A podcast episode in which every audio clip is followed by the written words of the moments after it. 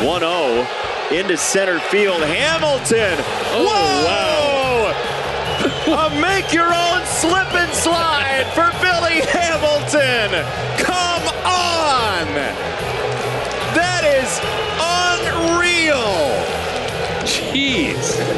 What a play.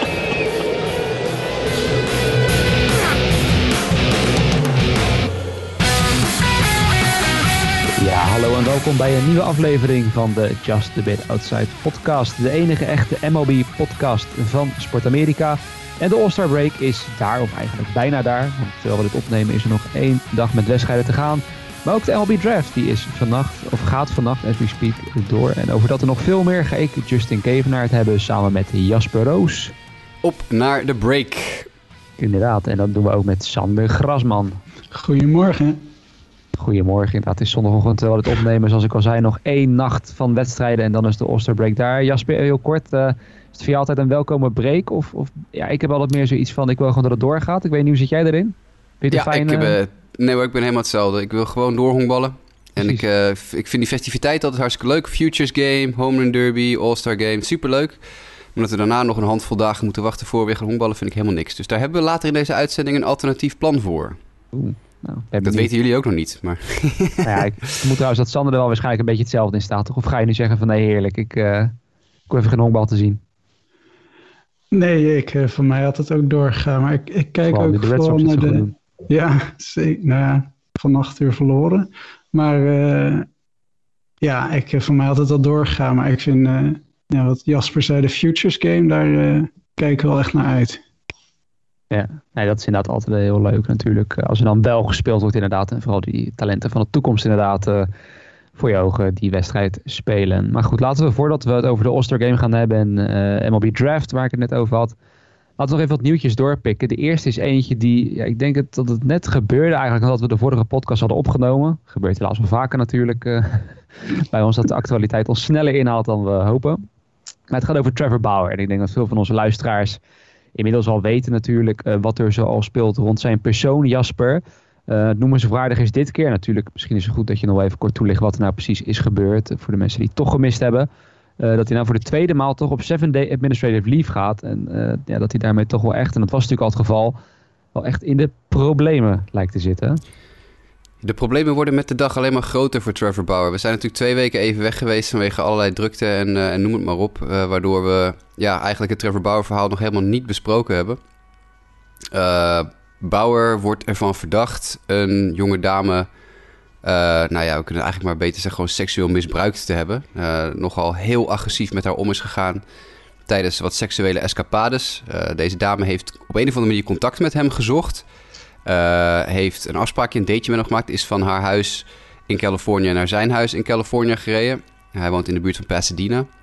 En daar, is, uh, uh, daar heeft de Bauer seks met haar gehad. Voor zover hij zegt dat dat, dat was in, in overeenkomst met elkaar. Alleen toen is hij nogal hardhandig met haar omgegaan. En hij claimt zelf dat zij dat graag wilde. En nou snap ik dat wel, maar dit gaat wel een heel erg stapje te ver als je kijkt naar het resultaat van die avontuurtjes. Zij schijnt uh, buiten bewustzijn gewurgd te zijn uh, door hem. En stevig geslagen op verschillende lichaamsdelen, waardoor er overal blauwe plekken zaten. Ze heeft, later bij de dokter is er een schedelbreukje geconstateerd in haar schedel. Dus dat zou ook wel betekenen dat ze echt wel stevig in elkaar gebeukt is. Uh, en daarvan wordt Trevor Bauer dus nu uh, ja, verdacht. Zij is naar de politie gegaan, uiteraard. Uh, nou, dat is wel twee keer schijnt het gebeurd te zijn, wat dan weer gek is. Is twee keer bij hem langs geweest, waarvan de tweede keer dan de ergste keer zou zijn geweest. Um, dus Bauer is ja, op dit moment zwaar onder onderzoek, al weken, ook al weken voordat het bekend werd. Mm. Uh, was de politie al bezig, uh, vertelden ze. En het, uh, de, zoals de politiecommissaris van Pasadena zei... deze zaak is veel groter dan wij aanvankelijk dachten. Nou, dat kan je twee kanten op interpreteren. Dat kan je de kant op interpreteren dat de dame in kwestie... niet helemaal de waarheid heeft verteld of dat er meer aan de hand is. Of je kan het interpreteren dat het misbruik en het geweld... dat Bauer tegen haar gebruikt heeft... vele malen groter is dan zij in eerste instantie dachten. Dat het niet eventjes zomaar een tikje op je kont was... Um, ehm, MLB heeft natuurlijk heel lang gewacht met weer iets te doen, maar dat is typisch MLB.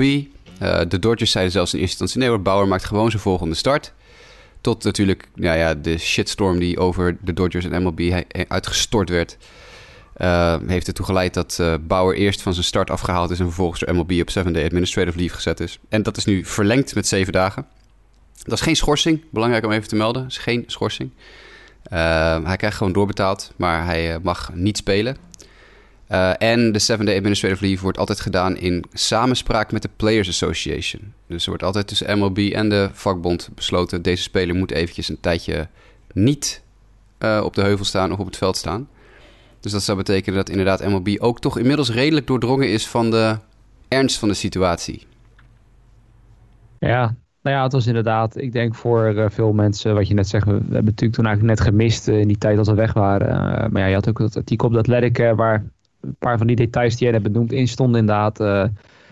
ja, als zelfs de helft daarvan al waar is, dan is dat best wel ja, vreselijk in ieder geval voor deze vrouw natuurlijk, waar het deze kwestie over overgaat. En dat is natuurlijk ook alweer des te pijnlijker ook natuurlijk uh, voor, voor Trevor Bauer en MLB. Dat het ja, een van de sterren toch wel natuurlijk van de league is die uh, zich hieraan uh, schuldig maakt. Als het allemaal waar is wat er is gebeurd. Want, ja, luister, als de helft waar, waar, waar, is, dan gaat hij de gevangenis in. Moet je nagaan als het allemaal waar, Daarom, waar dat is het echt dan maakt het zo pijnlijk. Want ik bedoel, we hebben het ook denk ik de, de, de voorgaande vele edities van deze podcast over gehad. Dat, dat Trevor Bauer toch wel iemand was waar allemaal wel zwak valt. Hè? Natuurlijk gewoon de persoonlijkheid die, die, die hij brengt. Uh, hij is best wel vocaal en brengt toch wat, wat show af en toe aan. Dat, toch soms wat saaie honkbal met, met al die oldschool gasten erin. Ja, dat dan uitgerekend hij uh, zich hier aan schuldig lijkt te maken. Dat is wel extra vervelend voor de sport, voor hem en voor natuurlijk iedereen die erbij bij betrokken is. Maar wat jij zegt, als de helft inderdaad maar van waar is, dan, dan zijn de problemen echt zeer groot voor Bauer. Dan is het maar te bezien inderdaad of we hem uh, überhaupt nog wel op een honkbalveld terug gaan zien. Maar tijd nou, zal ik denk dat dat, uh, echt, gebeuren. Ik denk dat echt serieus uh, een kans bestaat dat we Bauer niet meer terugzien hoor. Tenzij, kijk, hij claimt natuurlijk via zijn zaakwaarnemer. Wat een heel, heel frappant detail is. Hij heeft natuurlijk zijn algemeen bekende zaakwaarnemer Rachel Luba... die we heel vaak genoemd hebben aan deze show. Bekende roodharige tante die uh, in al zijn YouTube-video's zo ongeveer tevoorschijn stuitert. Um, maar dat was weer niet de zaakwaarnemer die een persverklaring heeft uh, naar buiten gebracht toen dat net uh, bekend werd. Dat was namelijk een mannelijke advocaat en die hebben we even opgezocht. Dat blijkt een figuur te zijn die gespecialiseerd is in het laten verdwijnen van dit soort zaken bij celebrities. Mm. Dus hij heeft wel gelijk meteen iemand in de arm genomen die ja of die werkte al met Rachel Luba samen, dat eh, is natuurlijk niet bekend. Uh, die dat, dit soort dingen, dus die gespecialiseerd is in dit soort problematiek. Um, en dat is natuurlijk ook niet iets wat je doet als je onschuldig bent. Alleen ja, die gast die zei wel gelijk, ja, we hebben uh, tekstmessages en bewijsmateriaal dat die dame in kwestie gevraagd heeft om ja, ruwe behandeling en zo. En dat toen zij hem, hem berichten dat het toch echt wel wat verder was gegaan dan ze had gewild. Dat hij heel zorgelijk reageerde van... oh shit, kan ik iets voor je doen? Uh, enzovoort, enzovoort. Ja, als, dat moet je hard kunnen maken. Maar als dat zo is, dan, dan zou dat kunnen duiden op, gewoon, ja, op een miscommunicatie. Maar dit is wel een hele stevige miscommunicatie dan. Nou ja, dat, uh, dat zonder meer. Maar uh, vervelend nieuws zo rond ja, toch een van de sterren van de MLB. En in het verlengde daarvan, het is wel een hele andere situatie. Maar ja, ook heel erg pijnlijk voor Ronald Acuna Jr., toen iedereen die uh, nou ja, de wedstrijden van vandaag heeft teruggekeken of het nieuws van vannacht heeft teruggelezen, die heeft kunnen zien dat het seizoen van de superster van de Atlanta Braves erop zit. Sander, want uh, nou ja, je, je, we konden het allemaal zien. Ik zag het in de app en vanochtend ging het er ook al over. Uh, toen stelde Jasper al de vrij negatieve diagnose van nou die is klaar. En hij bleek gelijk te hebben, want Acuna Junior die is, die is klaar voor het seizoen. Ja, ja ik heb ooit ook op een soortgelijke manier mijn uh, kruisband afgescheurd. Dus ik uh, vind het moeilijk om naar dit soort beelden te kijken. Maar hij probeert een, uh, een bal te vangen die richting de muur gaat in het rechtsveld. En ja, komt daarbij helemaal verkeerd terecht met zijn been die ja, een sweeper naar binnen maakt. Waarbij je meteen ziet dat dit geen natuurlijke beweging is. En ja, die zal dus geopereerd moeten gaan worden. Ligt er, wat is volgens mij zes tot uh, tien maanden of zo uit. En uh, ja, ik vind het een van de leukste spelers om naar te kijken in de, in de Major League. Dus ik, uh, ik vind dit echt een, een groot gemis. En, maar vooral natuurlijk ook voor de Braves die al genoeg blessureproblemen hebben met Soroka die er al uit ligt. Ja. Inoa die geblesseerd is. En, en nou ja, ze hebben een eigen Trevor Bauer verhaal met Ozuna. Het is niet het, uh, het, jaar van de Braves dit jaar. En uh, nou, dat ook Kunja wegvalt is voor de hele voor heel uh, honkbalminnend honkbalminnende wereld echt, echt wel balen. Want die had gewoon weer een 30-30 seizoen gehaald. En was gewoon weer in de running geweest voor MVP, denk ik. En ja, gewoon, ik vind het gewoon een hele leuke speler om naar te kijken. En dat, die gaan we de rest van het seizoen niet meer zien. Nou, dit is inderdaad voor de sport een gigantische klap. Ik bedoel, Jimmy die stuurde gisteravond dat toen het gebeurde meteen. Want Jimmy is onze super social media maven. Die is altijd als eerste erbij. Die stuurde dat filmpje en ik keek dat filmpje en ik... Nou, ja, dit is, uh, je kan het meteen zien. Recht, hij, hij springt om een bal geslagen door Jazz Chisholm te proberen te pakken. En hij landt verkeerd op zijn... Eigenlijk op zijn linkerbeen landt hij verkeerd... waardoor hij zijn rechterbeen op een rare manier neer moet zetten... En je ziet inderdaad wat je zegt, Sander, zijn knie helemaal naar binnen knakken. Nou ja, dat hebben we gezien. Ik heb de, de meest kenmerkende daarvan, die ik ooit gezien heb, waarvan ik het ook meteen wist toen ik zat te kijken, was uh, Czerny van Ajax, die buitenspeler. Die ooit tegen, volgens mij, Volendam of zo zijn knieband afscheurde. En ik, dit is precies zo'nzelfde knak. Je ziet die knie dan helemaal op een hele rare manier naar binnen snappen. Nou ja, en dan weet je eigenlijk al meteen dat is, dat is, een, dat is een kruisband, dat is een ACL of iets dergelijks die uh, afgescheurd is. Nou, en Acuna zat enorm te huilen op het veld. Die wist het ook al gelijk zelf. Die is met een brancard. Kon, echt, kon er helemaal geen kracht op zetten. Kon geen stap zetten. Uh, die is van het veld afgereden en vervolgens van het veld afgedragen. En in een, uh, in een uh, hoe heet ze ding gezet? Een rolstoel gezet. Dus dan weet je al genoeg. Dat, zulke jongens voelen dat ook direct. Dit was... ja, dit is, dit is heel slecht voor de sport. dit is een van de... Een van de jongens die altijd alleen besproken wordt... omdat ze zulke leuke dingen op een honkbalveld doen... en verder eigenlijk niet. Uh, en dat soort jongens wil je hebben. Ja, en, ja, en, ja, ja ik weet dat je bij een uh, kruisband, je, je voelt gewoon iets knappen. Dus ja, dat verklaart denk ik ook wel, hij weet gewoon dat het mis is. En uh, ja, dat hij daarom zo heftig reageert, dat lijkt, ja, is, dus, ik snap dat volkomen. Dat hij weet gewoon, dit is, dit is niet zomaar even ijs erop en, en een paar weken rust, maar dit is gewoon operatie en lange tijd aan de kant staan. En ja, het is gewoon balen. En het is de zoveelste, maar daar gaan we het nog over hebben. Nou ja, dat, uh, dat zeker. En dan je, wat je zei, had gewoon weer een prima seizoen. Hè. Top 5 in de MLB in zowel home runs als stolen bases.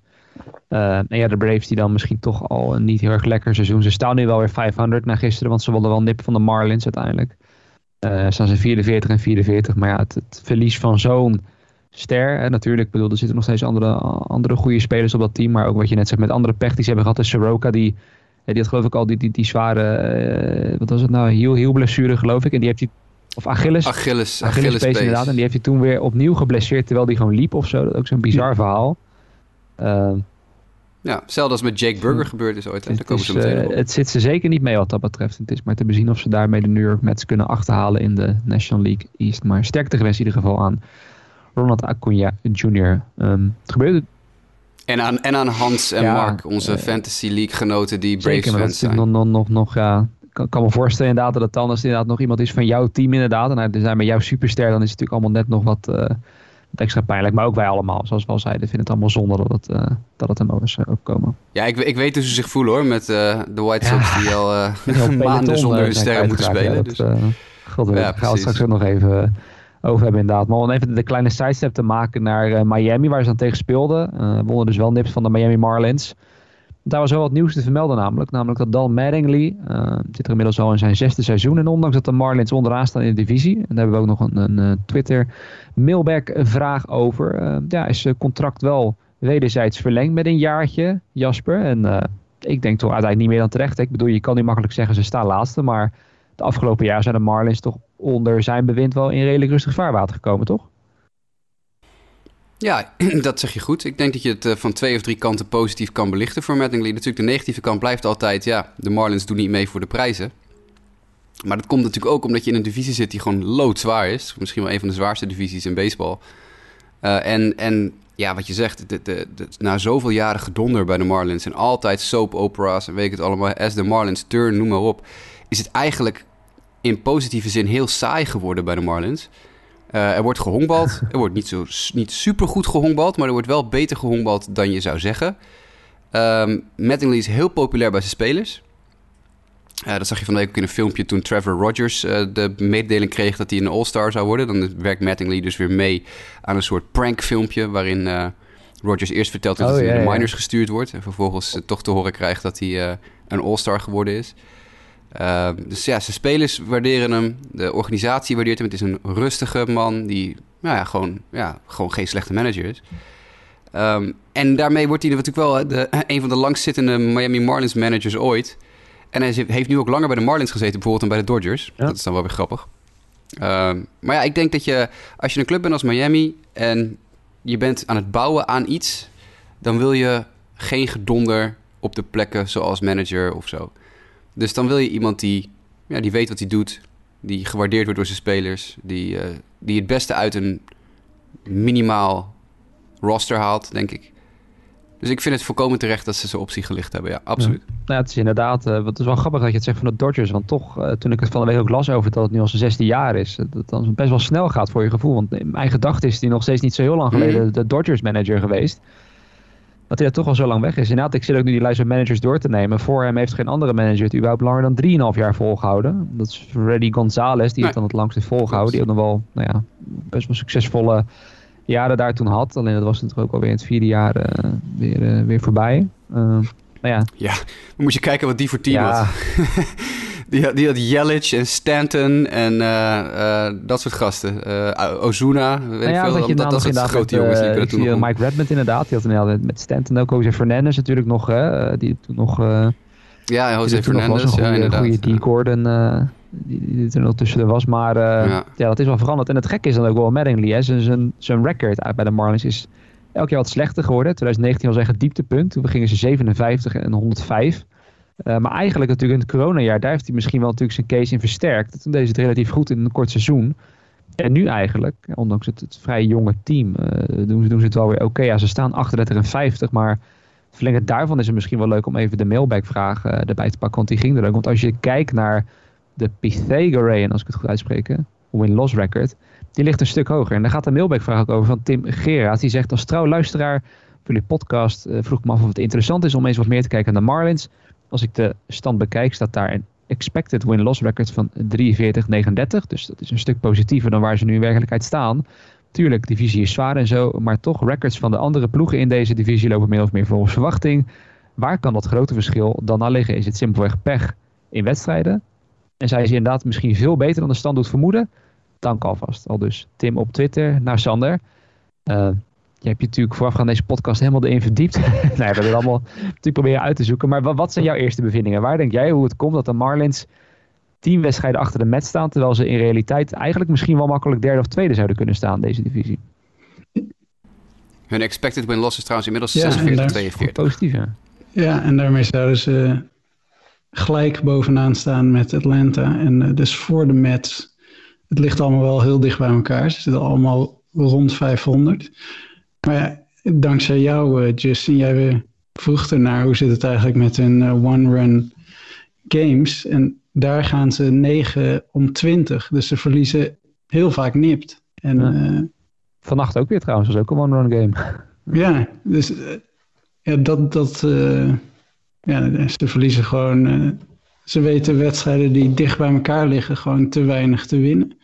Maar het is wel ik, ik wist dit niet voordat uh, deze vraag kwam. En ik moet zeggen dat het heel fijn is dat we zulke uh, oplettende luisteraars hebben.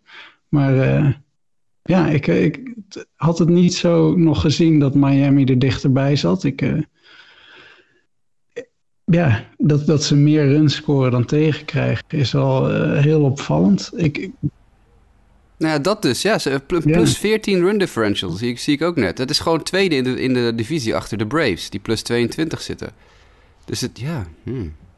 ik, ik zit te kijken naar de, de closer, maar ik, volgens mij het is niet zo dat ze blown saves hebben. Ze weten gewoon die achterstand niet goed te maken. Ze nee, weten, het was inderdaad die Jimmy Garcia, die heeft geloof ik laatst dan wel een keer een blown save gehad. Maar ja, ze hebben verder toch de boelpen. Als je dat zo kijkt, is niet extreem dramatisch of zo. Er zijn veel meer teams die er veel zwaarder mee hebben. Dus. Hm. Ja, ze scoren wel weinig runs. Hè. Ze krijgen er heel weinig tegen. Ze krijgen er in de divisie alleen krijgen de, de Mets van de Gronder minder tegen. Ja. Uh, dus het ligt vooral daaraan dat ze, ze, ze, net iets meer runs scoren dan dat ze tegenkrijgen. Is vooral dat ze, ze krijgen heel weinig runs tegen. Dus ja, ze moeten gewoon meer runs gaan scoren.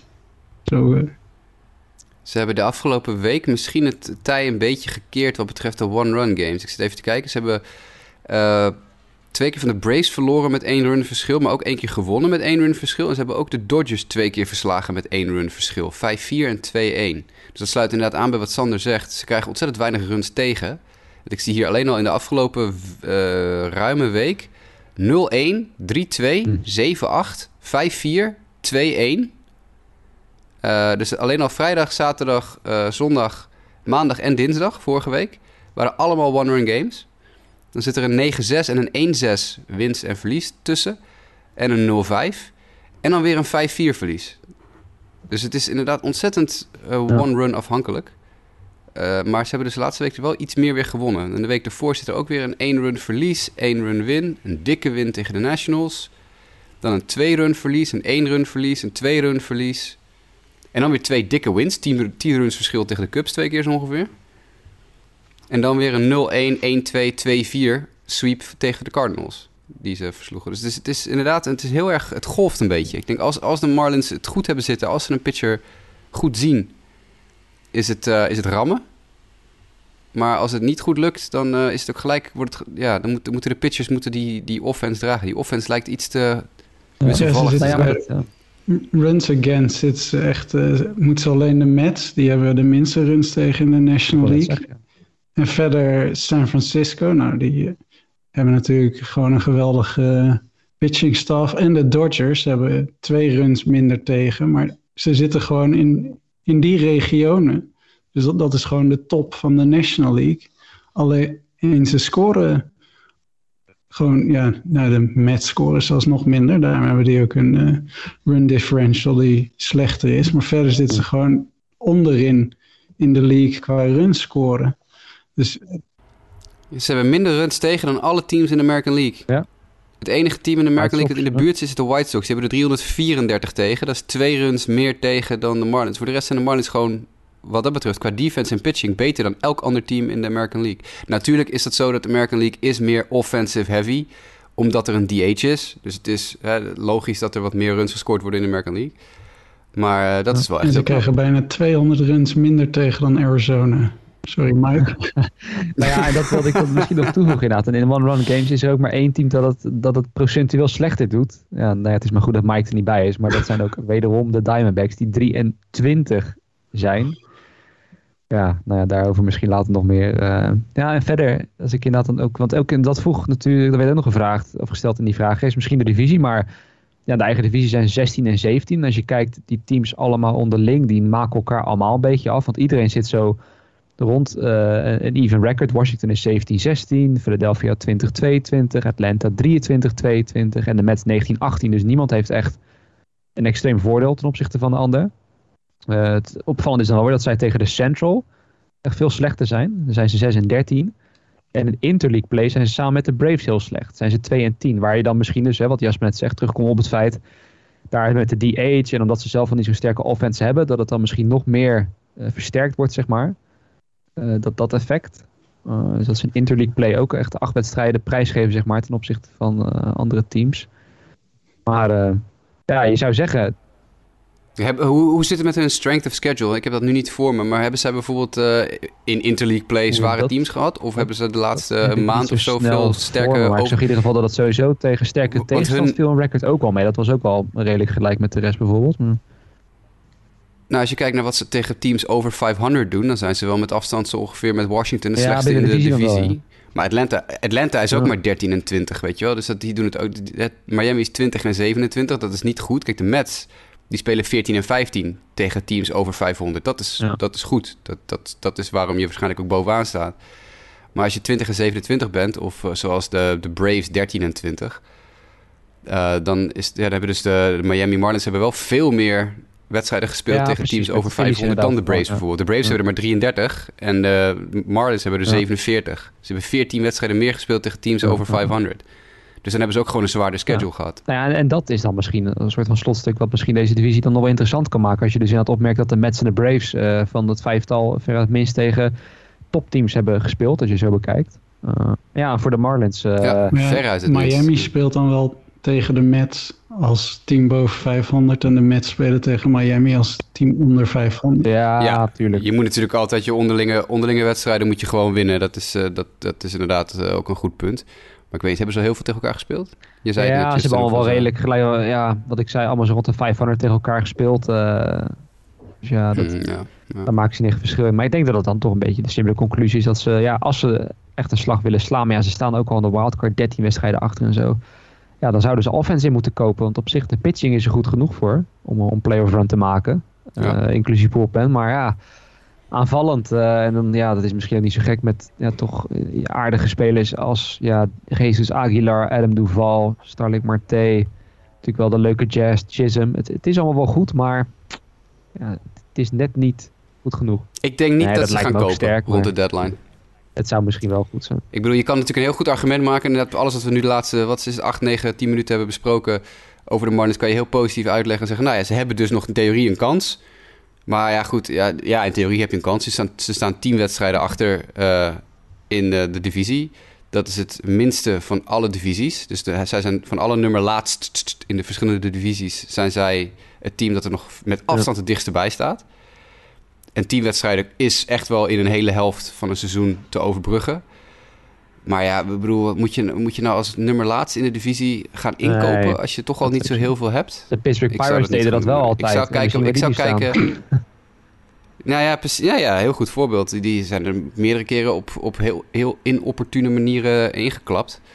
En dat is niet, uh, niet iets wat de Marlins denk ik gaan doen. Ik denk ook dat Kim Ung in haar, in haar eerste volledige seizoen eventjes de kat een klein beetje uit de boom wil kijken. Kijk gewoon wat je, wat je hebt. Kijk wat je in de minors hebt rondlopen. Er lopen natuurlijk een paar jongens die tegen de majors aanzitten. Nog rond. Tuurlijk, ze zijn uh, ook een paar belangrijke spelers kwijtgeraakt. Hè? Sixto mhm. Sanchez uh, hebben we nog uh, een blessure-update over zo meteen. Die is ook gewoon weg. Sandy Alcantara is al een hele jaar op en af de IL. Dus ik, nee, ik denk niet dat ze. Ik denk dat de Marlins gewoon dit seizoen uit gaan honkballen. En dan in de winter dat Kim gaat bouwen. Nou, dat lijkt me inderdaad. Dan, dan, kan je weer een goede opmaat maken naar volgend jaar. Met inderdaad Mattingly aan het roer. En dan hopelijk een, een betere offense voor deze goede pitching staff. Voor de Miami Marlins. in ieder geval bedankt uh, voor de vraag, Tim. En ja, ze hebben ons er ook al flink aan het denken gezet over een team waar het misschien niet inderdaad extreem vaak over gaat. Maar die dus wel zeker de aandacht verdienen in dit geval. Dan een nieuwtje nog, dat had ik er eigenlijk ingezet. Ja, het is niet echt nieuws. Het is meer in de zin van, hè, hou je van leuke honkbalmomenten, zoek het even op. Want toen ik het van de week zag, toen werd ik het al heel blij van. Daniel Camarena. Ik weet niet of jullie het hebben gezien. Het is een speler die ik in ieder geval, waar ik nooit van had gehoord, wat ook niet zo gek is. Is een reliever namelijk van de San Diego Padres. Uh, die was opgeroepen om bij het team te komen. En uh, de Padres stonden dik en dik achter al vroeg in de wedstrijd. En dus besloten zij, Camarena die was er al ingekomen een beetje voor de al bekende mop-up duty. Van nou ja, gooi maar een paar innings vol en zorg dat we de wedstrijd, dat we niet onze hele boelpennen tegenaan hoeven te gooien. Dat deed Camarena. En hij deed het zo goed dat hij, terwijl hij een at-bat had, zijn eerste at-bat ooit, honkenvol, slaat hij een Grand Slam. En dat was uh, ja, fenomenaal. Zijn ouders waren erbij, omdat het ook zijn debuut was. Die werden helemaal gek. En uh, nou ja, de leuke feitjes eh, die er dan nog bij hoorden, is dat hij überhaupt de eerste reliever is sinds 1985 die een Grand Slam slaat. Uh, en überhaupt de tweede speler sinds 1898 die dit bij zijn eerste career hit of at bat doet namens de Padres. En uh, ja, je kan anderzijds zeggen, het is Slam Diego voor een reden. Dus uh, dat Camarena dit deed is dan niet zo gek. Maar voor mensen die, uh, ja, wat ik zeg, voor leuke hongermomenten houden, zoek dit moment op. Het was echt prachtig, ook de reactie van zijn ouders. En het zijn dan van die ja, random dingen die het honkbal weer uh, altijd weer mooi maken, toch? Hè? Ondanks al de negativiteit die we net aan het begin van de aflevering hadden. Voor de mensen die de triviant vraag het antwoord willen weten welke reliever het was in 1985, dat was Don Robinson van de Pittsburgh Pirates. Inderdaad. Wie kent hem niet? ja, same. Inderdaad. Nou ja, nu is het dus eh, de nieuwe triviant vraag Daniel Camarena. Nou ja, die kunnen misschien iets beter onthouden. Uh, in ieder geval de komende jaren. Maar ik denk als we het over vijf jaar weer vragen, dan, uh, dan is het weer verdwenen. Maar het is een mooi moment voor, voor deze jongen. En een goed leuk mooi moment voor Slam Diego. Dan, Jasper. Je had toch al een White Sox blokje. En dat is ook vooral omdat er best wel wat te melden is rondom het team. Helaas ook weer blessure. Eh, wederom. Maar ook gewoon wat positief nieuws, toch? Dus eh, ik zou zeggen, ga je gang. Ja, het beginnen met het allerbelangrijkste nieuws. Vriend van de show, Jake Burger, is gedebuteerd in de Major League. Mhm. Mensen die al langer naar deze show, naar onze, onze podcast luisteren, die kunnen zich misschien de aflevering nog wel herinneren. Dat is inmiddels een jaar of twee, tweeënhalf geleden, denk ik. Waarin ik uh, uh, een gesprek van drie kwartier had in de podcast met Jake Burger. Toen nog prospect, net gedraft. Toen een half jaar daarvoor gedraft door de White Sox op uh, plek 10 of 11 overall, 11 geloof ik. In de eerste ronde. Um, hij is toen in springtraining direct daarna geblesseerd geraakt. Achillespees afgescheurd een week of twee, drie nadat hij eraan geopereerd was en dat hij aan het revalideren was, uh, had ik contact met Jake via Twitter en hebben wij een afspraak gemaakt om een, een interviewtje te doen. Dus heb ik via Skype hem gebeld op zijn telefoon, want zijn eigen Skype deed niet. Terwijl hij in Arizona aan het rehabben was. En heb ik drie kwartier een interviewgesprek met Jake Burger gehad. dus ja, ik ben altijd al een beetje een fan van Jake Burger. Super aardig gast, altijd heel erg ja, bereidwillig geweest om, om mee te denken. Ik heb door de jaren heen regelmatig nog een beetje met hem gedM'd. Hoe het ging allemaal. Nou, natuurlijk een interessant verhaal. Sowieso Jake Burger. Achillespees gerepareerd in dat jaar. Zes weken later scheurt hij hem opnieuw af. Wat dus ook met Mike Soroka is gebeurd van de Atlanta Braves. Die ook voor de tweede keer zijn Achillespees heeft afgescheurd. En vervolgens gaat Jake Burger weer in een, uh, een nieuw revalidatietraject. Dus dat gebeurt dan in mei van dat jaar dat hij hem voor de tweede keer scheurt. Daar dan gaat de teller weer een jaar. Van oké, je moet weer een jaar revalideren om hem nu te, te fixen. En eigenlijk verdwijnt Burger een beetje van de aardbodem af. Niemand wist eigenlijk meer waar hij was. Er werden geen updates meer verstrekt over zijn revalidatieproces door de White Sox. Uh, tot een jaar later, uh, in de zomer, hij weer soort van terug zou komen en uh, in de Instructional League of in de Arizona Fall League wat zou spelen. Maar ja, dat, toen kwamen de rosters daarvan uit. Geen Jake Burger op het roster. Iedereen weer, nou, waar is Jake Burger? Dan ga je allerlei wilde verhalen horen en dan blijkt dat Burger het gewoon mentaal even niet meer zag zitten. Uh, die zo ontzettend veel blessures had gehad. Want ook na die twee gescheurde Achillespees had hij weer een terugvalletje met zijn hiel. En weer een terugvalletje met dit en een terugvalletje met dat. En voor je het weet hoor je drie jaar niks van zo'n speler. Uh, tot hij vorig jaar ineens opdook. Tijdens het coronapandemieseizoen. In de Car Shield League. Ik weet niet of jullie ooit nee. van de Car Shield League hebben gehoord. Maar ik moest het even opzoeken toen ik dat voor het eerst hoorde. Dat is een mixed collegiate league. Ergens in de Midwest. In, de, in Illinois, Indiana, die regio. Uh, waar dus allemaal gesjeesde college-spelers eigenlijk spelen.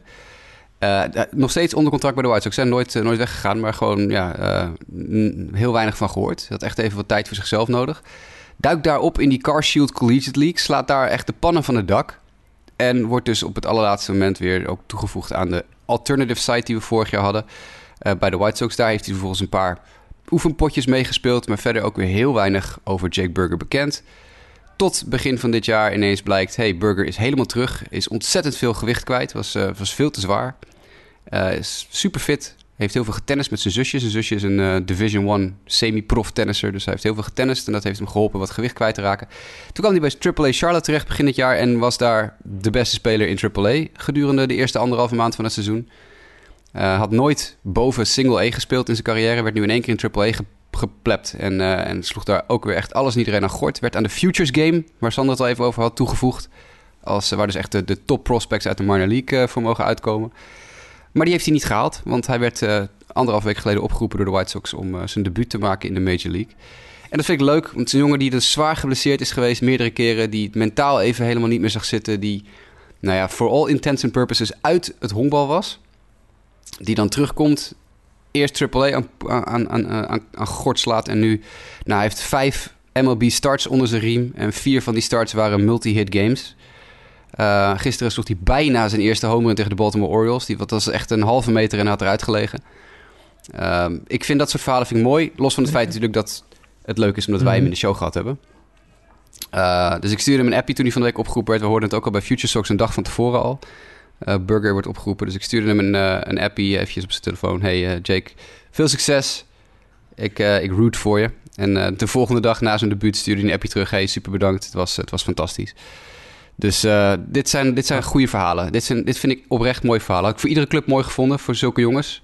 En er werd gelukkig ook heel veel aandacht aan besteed door nationale media, ook in Amerika. Dus jongens als van Baseball America en Prospects Live, een echt grote minor league uh, media outlets hebben veel aandacht besteed aan Burger. En dat is terecht, want het zijn echt, het zijn, ja. dit zijn mooie verhalen. Nou ja, zonder meer. Dat, uh, het is inderdaad uh, natuurlijk des te mooier omdat hij in onze, onze zeg, podcast is geweest. Dankzij jou natuurlijk, hè, jouw eh, moeite die je daarvoor hebt ge gedaan. Maar inderdaad mooi om dan te zien dat hij het uiteindelijk via een omweg, hè, het is niet de meest gebruikelijke weg, maar dat toch ook ondanks al wat tegenslagen heeft, heeft gehaald. Ehm, Ja. Nou, gewoon drie jaar niet honkballen, dan een maand in AAA staan en dan in de major staan. Dat, is toch fantastisch? Dat, uh, ook dat is zennis met, met het verhaal van Camarena. Ook dit, dat zijn dan toch de dingen die het honkbal zo'n mooie sport maken. Omdat eigenlijk ook alleen maar in die sport kan, zeg maar. Dat je dan ineens toch zo op komt duiken en na zo'n lange weg terugkomt. En ja, dan toch doet wat misschien ooit wel van je werd verwacht. Um, ja, verder, had, uh, pak maar meteen door, zou ik zeggen. Je had natuurlijk nog wat andere dingen erin gezet. En zoals heel positief nieuws over Adam uh, ja. natuurlijk. Tenminste, positief. ja, Adam Eaton uh, designated for assignment. Uh, was al een move die niet gewaardeerd werd door White Sox fans toen hij gecontracteerd werd dit afgelopen winterseizoen. Want Eaton lag al niet zo goed na zijn vorige periode bij de White Sox. was een beetje een hork. Uh, plus natuurlijk het feit dat ze hem als eerste grote big free agent signing zo ongeveer binnenhaalden dit offseason. Terwijl de Duvel is oude moer, de Jock Petersons en zo allemaal nog beschikbaar waren. Dus daar had al een beetje een achterstand, maar hij was ook gewoon waardeloos dit seizoen. Echt gewoon oprecht waardeloos. Adam Eaton is, uh, is stuk, die, uh, die moet stoppen met honkballen, het ziet er niet uit. Maar het is een belangrijk signaal, denk ik. De White Sox zijn geen organisatie die dat soort beslissingen heel makkelijk neemt. Dit is een jongen die ze gewoon 8 miljoen dollar hebben gegeven met een optie voor een tweede seizoen. En dit is eigenlijk gewoon na vier maanden al toegeven dat je een grote fout gemaakt hebt. Um, en dat doen de White Sox niet veel als club. Dus dit is uh, een belangrijk signaal dat ze er echt dit jaar serieus voor willen gaan. Iedereen dacht van, nou ja, toen op een gegeven moment wat jongens ge geactiveerd werden. Hè, de Adam Engels van de wereld kwamen van IL af. Nou, dan zou Jake Burger wel naar AAA gaan. Nee, zeggen de White Sox, we houden Burger en Sheets en al die andere rookies die we, waar we op leunen vanwege alle blessures, houden we in de majors, want ze doen het hartstikke goed. En het kan me niet schelen dat we nog 4 miljoen aan Adam Eaton moeten betalen als we hem eruit knikkeren. We knikkeren hem eruit. Uh, dat is een belangrijk signaal. Er werd ook uh, nogal op een rare manier uh, begroet door Brian Goodwin, die tegenwoordig ook heel veel voor de White Sox speelt. Die tweette ook meteen, there's a party and let's party of iets in die geest toen Eaton gedfa'd was. Dus blijkbaar, als dat daarover gaat, ligt hij ook, lag hij in de groep ook niet zo heel goed. Um, ja, en verder, ik zei al, ja, leuke, leuke momentjes. Heb je het over leuke momentjes? Uh, Gavin Sheets is een rookie die bij de White Sox nu ook opgeroepen is. Is de zoon van voormalig Major Leaguer Larry Sheets, die in de jaren 80 en begin jaren 90 actief was op het hoogste niveau. Uh, die is ook opgeroepen, want ja, de White Sox, het regent nog steeds blessures bij die club. Uh, en Sheets doet het hartstikke goed. En uh, die speelde afgelopen uh, drie dagen in Baltimore, wat zijn geboortestad is, zijn thuisstad is, waar zijn ouders en al zijn familie ook nog steeds wonen. Dus de hele familie Sheets zat op de tribune, inclusief zijn vader. En toen sloeg Gavin zijn derde of vierde home van het seizoen. Dus dat zijn altijd leuke dingen. Net als Daniel Camarena, die een Grand Slam slaat, waar zijn hele familie op de tribune zit. Zat ook de hele familie Sheets, echt tientallen, neefs en nichtjes en de hele bende. En toen sloeg Gavin uh, de bal uit het stadion uh, eergisteren op Camden Yards. Dat is ook hartstikke leuk. Um, ook een leuke speler om naar te kijken. Niet zo goed in het veld, maar wel echt een uh, leuke slagman. Goede, lekker harde swing. Hou ik van lefty. En het laatste goede nieuwtje is uh, Eloy Jimenez is op de weg terug. Die is gisteren begonnen in Winston-Salem aan zijn rehab stint. En hij sloeg meteen in zijn eerste wedstrijd een home run. Dus het lijkt erop dat Eloy Jimenez weer fit is. Hij zegt zelf dat hij 200% ja. is. Uh, en dat zou betekenen dat uh, binnen nu en twee weken de White Sox weer een, nou ja, alsof het een trade deadline acquisitie is. Ik bedoel, je kan, uh, je kan een superster binnenhalen bij de trade deadline of je kan Eloy Jimenez terugkrijgen van een blessure. Het effect is hetzelfde. Dus na wat moeilijke weken, want de vorige uitzending had het over hoe slecht de White Sox aan het doen waren, loopt de boel weer als een sloopkogel in Chicago. Want ook Tim Anderson is in bloedvorm op dit moment. En zo Tim Anderson rolt, zo ja, rollen de White Sox. is dan wel, uh, ik had het helemaal aan het einde gezet bij de blessures, maar misschien wel goed om hier dan meteen te benoemen als we het toch zo over de White Sox hebben, zo uitvoerig. Ja, voor iedereen die het terugkrijgt, dan moet er wel weer eentje wegvallen. Hè? Dat lijkt een beetje het motto bij de, bij de White Sox. Want Jasmani Grandal, die ben je dan wel weer voorlopig kwijt, toch? Ja, Jasmani Grandal heeft een, uh, een spiertje gescheurd in zijn knie. Uh, en is geopereerd. En ligt er nu waarschijnlijk een week of vier tot zes goed, uit. Hè, voordat dus uh, Zach Collins is de nieuwe startende catcher bij de White Sox. En uh, uh, Sebi Zavala, hmm. of all people, is opgeroepen vanuit AAA om het uh, backup werk te doen. Als je inderdaad kijkt naar nou, de White Sox er nog steeds voor staan. Uiteindelijk lijkt het vrij weinig uit te maken. Dat, is toch vooral het motto van dit jaar. Ja, dat is toch misschien wel het mooie. Ze hebben een slechte twee weken gehad, maar het puntje bepaalt je. De divisie is natuurlijk ruk, maar ze verslaan ook gewoon teams uit andere divisies nu weer om de havenklap. Dus uh, zolang het goed gaat, mooi. gaat het goed. Dan gaan we even door naar de All-Star Game. Uh, we gaan het er niet heel uitvoerig over hebben. Ik ga ook niet hier alle teams nu voorlezen. Ik zou zeggen, als je wil weten wie er nu in de All-Star Game definitief zitten. Want ja, er zijn ook al nogal de nodige wisselingen gemaakt van spelers die toch niet komen, die vervangen worden, et cetera, et cetera, et cetera. Google het dan maar vooral, zou ik zeggen. Google gewoon All-Star Game 2021. Dan vind je die rosters en dan zie je wie er voor jouw team het heeft gehaald. Maar laten we toch allemaal misschien maar um, ja, wat bevindingen delen of iets zeggen wat ons opvalt. Sander, jij mag als eerste wat ja, wat, valt jou op of wat is een speler of iets waarvan je zegt van daar wil ik wat over zeggen, dat die er wel of niet bij zitten? sowieso Red Sox, hè, mag je wel me feliciteren. Hè? Die zijn met vijf uh, mensen verkozen. Hè? Meeste met de Dodgers. Dat moet je sowieso goed gevoel geven, denk ik. Ja, ik denk vooral onze startende offensieve spelers hebben het uh, echt verdiend. Devers en Bogart. Uh, ja, dat is, uh, het is een luxe die ik vooraf aan het seizoen niet verwacht had. Ja, wat mij opvalt is dat volgens mij, ik weet niet meer zeker of Mike Trout nou de meeste stemmen had gekregen, maar voor iemand die er toch al bijna anderhalve maand uit ligt. Ja. Ik heb misschien niet echt veel recht van spreken, want ik heb gewoon al mijn stemmen gewoon elke keer aan Lord Byron Buxton wel gegeven. dat was meer om hem een uh, hart onder de riem te steken. Maar dat Mike Trout erin staat uh, en een plekje voor bijvoorbeeld een Adolis Garcia inneemt. ja, dat had ik Garcia wel gegund met zijn geweldige eerste seizoen zelf. Ik vind het leuk dan weer dat Teoscar Hernandez erin staat. Is toch ook iemand die uh, ja, niet echt de grote naam is die er dan buiten kan vallen. Maar het op zijn prestaties echt meer dan verdient. En uh, nou, ik ben blij dat hij, uh, dat hij erbij zit. En verder vind ik er opmerkelijk weinig eigenlijk op, echt op aan te merken. Op de, in ieder geval de line-ups. Ze komen ook redelijk overeen met wat ik heb ingevuld. Maar ja, ik, ik zie vooral ja, ik vind dat gewoon mensen die goede prestaties hebben neergezet, die zijn verkozen. En dat, dat vind ik niet altijd het geval geweest. Maar de Jesse Winkers uh, van, de, van de wereld zijn er ook gewoon ingestemd. Gewoon omdat ze gewoon goed waren. En niet uh, alleen maar de grote namen. Dus wat dat betreft vind ik Mike Trout eigenlijk de uitzondering. En die was gewoon ook gewoon, toen hij fit was, gewoon heel goed. Ja, ja Jasper, uh, je had sowieso, zei je ook wel wat feitjes of, of cijfers die, die je wilde delen over de verkozen spelers? Nou ja, een paar opvallende dingen natuurlijk. Uh, de Astros die niet gaan massaal. Altuve en Korea hebben zich afgemeld. Altuve heeft zich afgemeld. Korea heeft COVID. Mm uh, op de COVID-lijst gezet. Um, tenminste, ik zeg Korea heeft COVID. Korea zei, ik ga waarschijnlijk niet naar de All-Star Game... of ik ga niet naar de All-Star Game... en een dag later werd hij op de COVID-lijst gezet. Dus het kan ook zijn dat ze dat gewoon gedaan hebben... om hem een reden te geven om niet te hoeven gaan. Want die jongens die, die voelen de bui, bui natuurlijk wel hangen. Die worden de hele All-Star Game alleen maar uitgejoeld. Brantley heeft zich ook inmiddels afgemeld. En Ryan Presley, de vierde Astro, ook. Maar die heeft wel een goede reden, want die wordt vader tijdens de All-Star break. Dus die is op paternity leave. Dus dat is de enige Astro met echt wel een goede reden, volgens mij.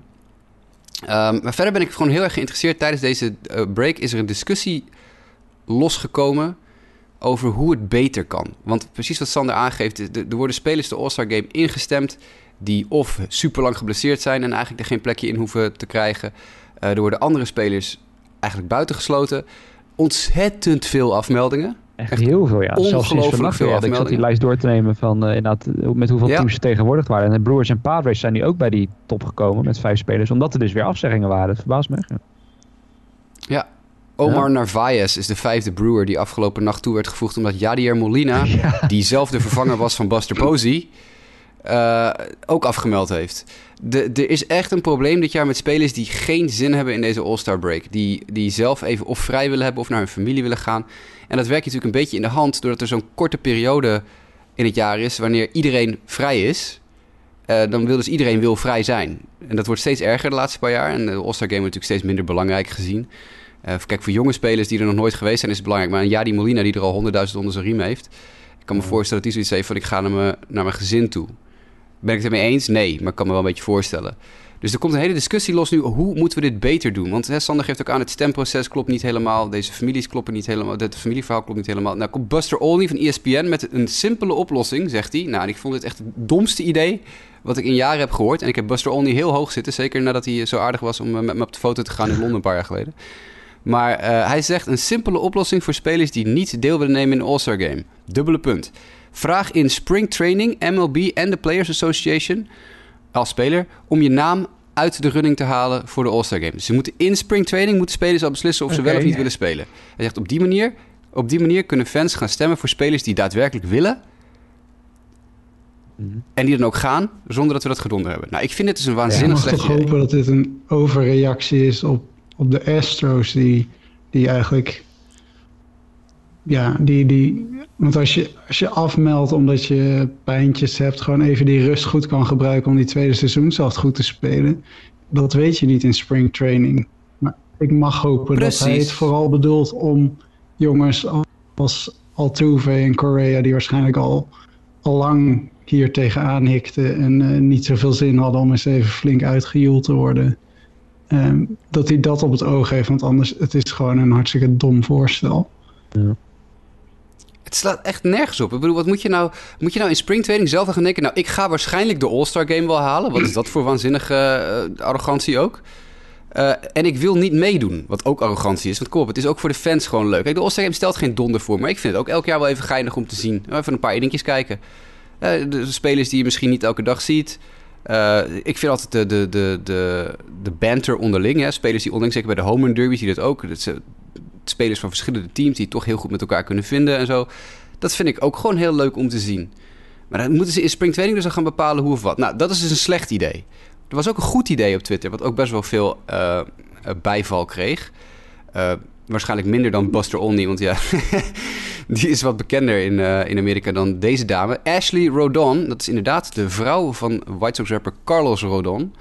Die is heel actief op Twitter. Die is ook heel actief uh, aan het schelden op scheidsrechters altijd als Carlos weer uh, genept wordt door scheidsrechters. Erg vermakelijk. Hele vermakelijke dame. Uh, ze zegt ook, haar bio is I use Twitter every five days. Oftewel, alleen op dagen dat Carlos pitcht zit zij op Twitter. wat ik dan wel weer grappig vind. Maar die heeft een, wat volgens mij, veel beter idee. Die zegt, oké, hear me out. We doen een All-Star break die in totaal 10 dagen duurt. De eerste twee dagen daarvan zijn de Home Run Derby en de All-Star Game. Dus dag 1 is de Home Run Derby, dag 2 is de All-Star Game. Vervolgens, vier dagen lang, krijgen alle National League teams vrij. De American League teams spelen weer gewoon. De volgende vier dagen daarna krijgen de American League teams vrij. En krijgen de National League teams vier dagen vrij om naar hun familie te gaan. En zegt dan, dan roteren we ieder jaar. Dus eerst krijg je nou de, de ene jaar is de NL eerst aan de beurt met vier vrije dagen. En dan de EL. En het jaar daarna is de EL eerst aan de beurt en dan de NL. Dat roteer je elk jaar. Ze zegt op die manier hoeven All-Stars niet te kiezen tussen wil ik de All-Star Game spelen of wil ik rust slash mijn familie. Want iedereen krijgt vier dagen rust en vier dagen om mhm. naar zijn familie te gaan. Maar het gat dat we dus geen honkbal hebben, hè, dat gat rond de All-Star Game en na de All-Star Game hebben we gewoon een paar dagen geen honkbal. Ze zegt dat wordt op deze manier gewoon gevuld, want we gaan gewoon in één stuk door honkballen. Want we hebben namelijk de Derby, we hebben de All-Star Game en vervolgens vier dagen alleen American League honkbal en daarna vier dagen alleen maar National League honkbal. En daarna is iedereen weer terug. Iedereen krijgt elk jaar vier dagen vrij om naar zijn familie te gaan. En er is dus geen reden meer om af te zeggen omdat je vrij wil. Nee. Ja, ik vind het een fantastisch uh, idee. Ik ook eigenlijk, ja.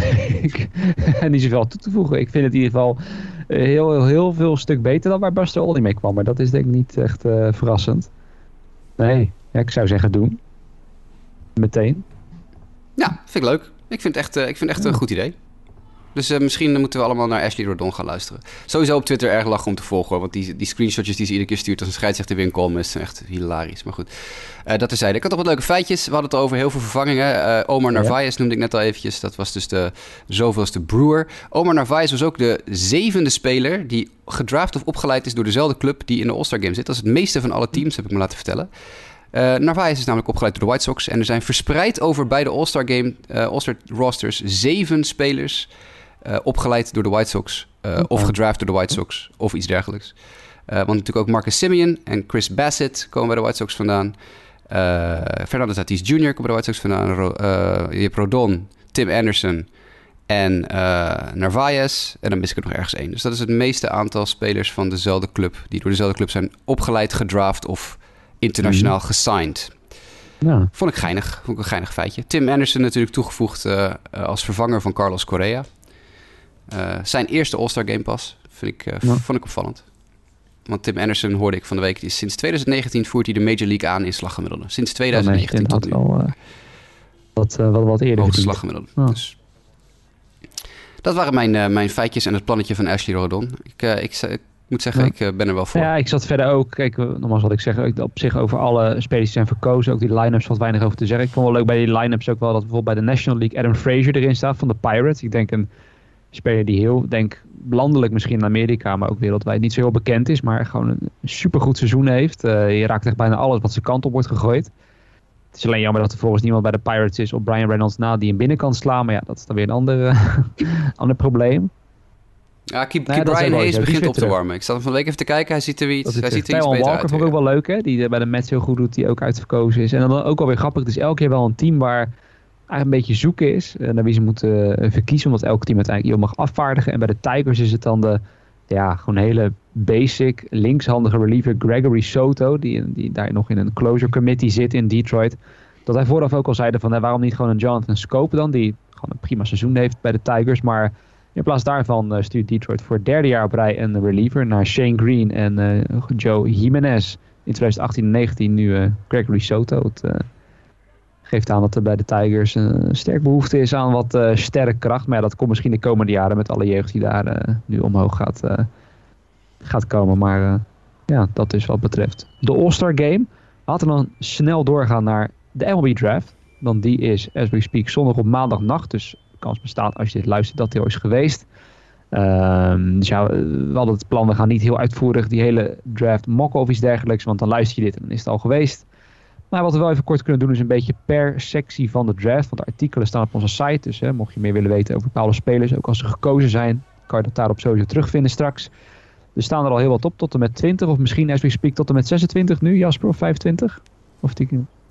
Tegen de tijd dat, uh, de podcast online staat, uh, tot en met 25. Dus dan staat hij er wel op. Ja, het gewoon bij begin beginnen, Jasper. Want jij hebt de top 10 gepreviewd op de site. waarbij ik stond dan Marcelo Meyer. Dus hier staan er wat andere namen. Um, om maar gewoon misschien maar meteen te beginnen met die Meyer op 1. is dat echt de top dog, zeg maar, zoals het vorig jaar met Adley Rutschman was naar de Orioles? Is dit echt de guy?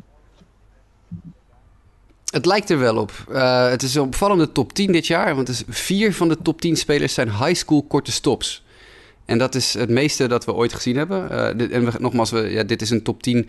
Niet zoals wij denken dat ze gedraft worden. Het is een top 10 van MLB.com die een ranglijst hebben gemaakt van de beste draft prospects in, uh, in baseball.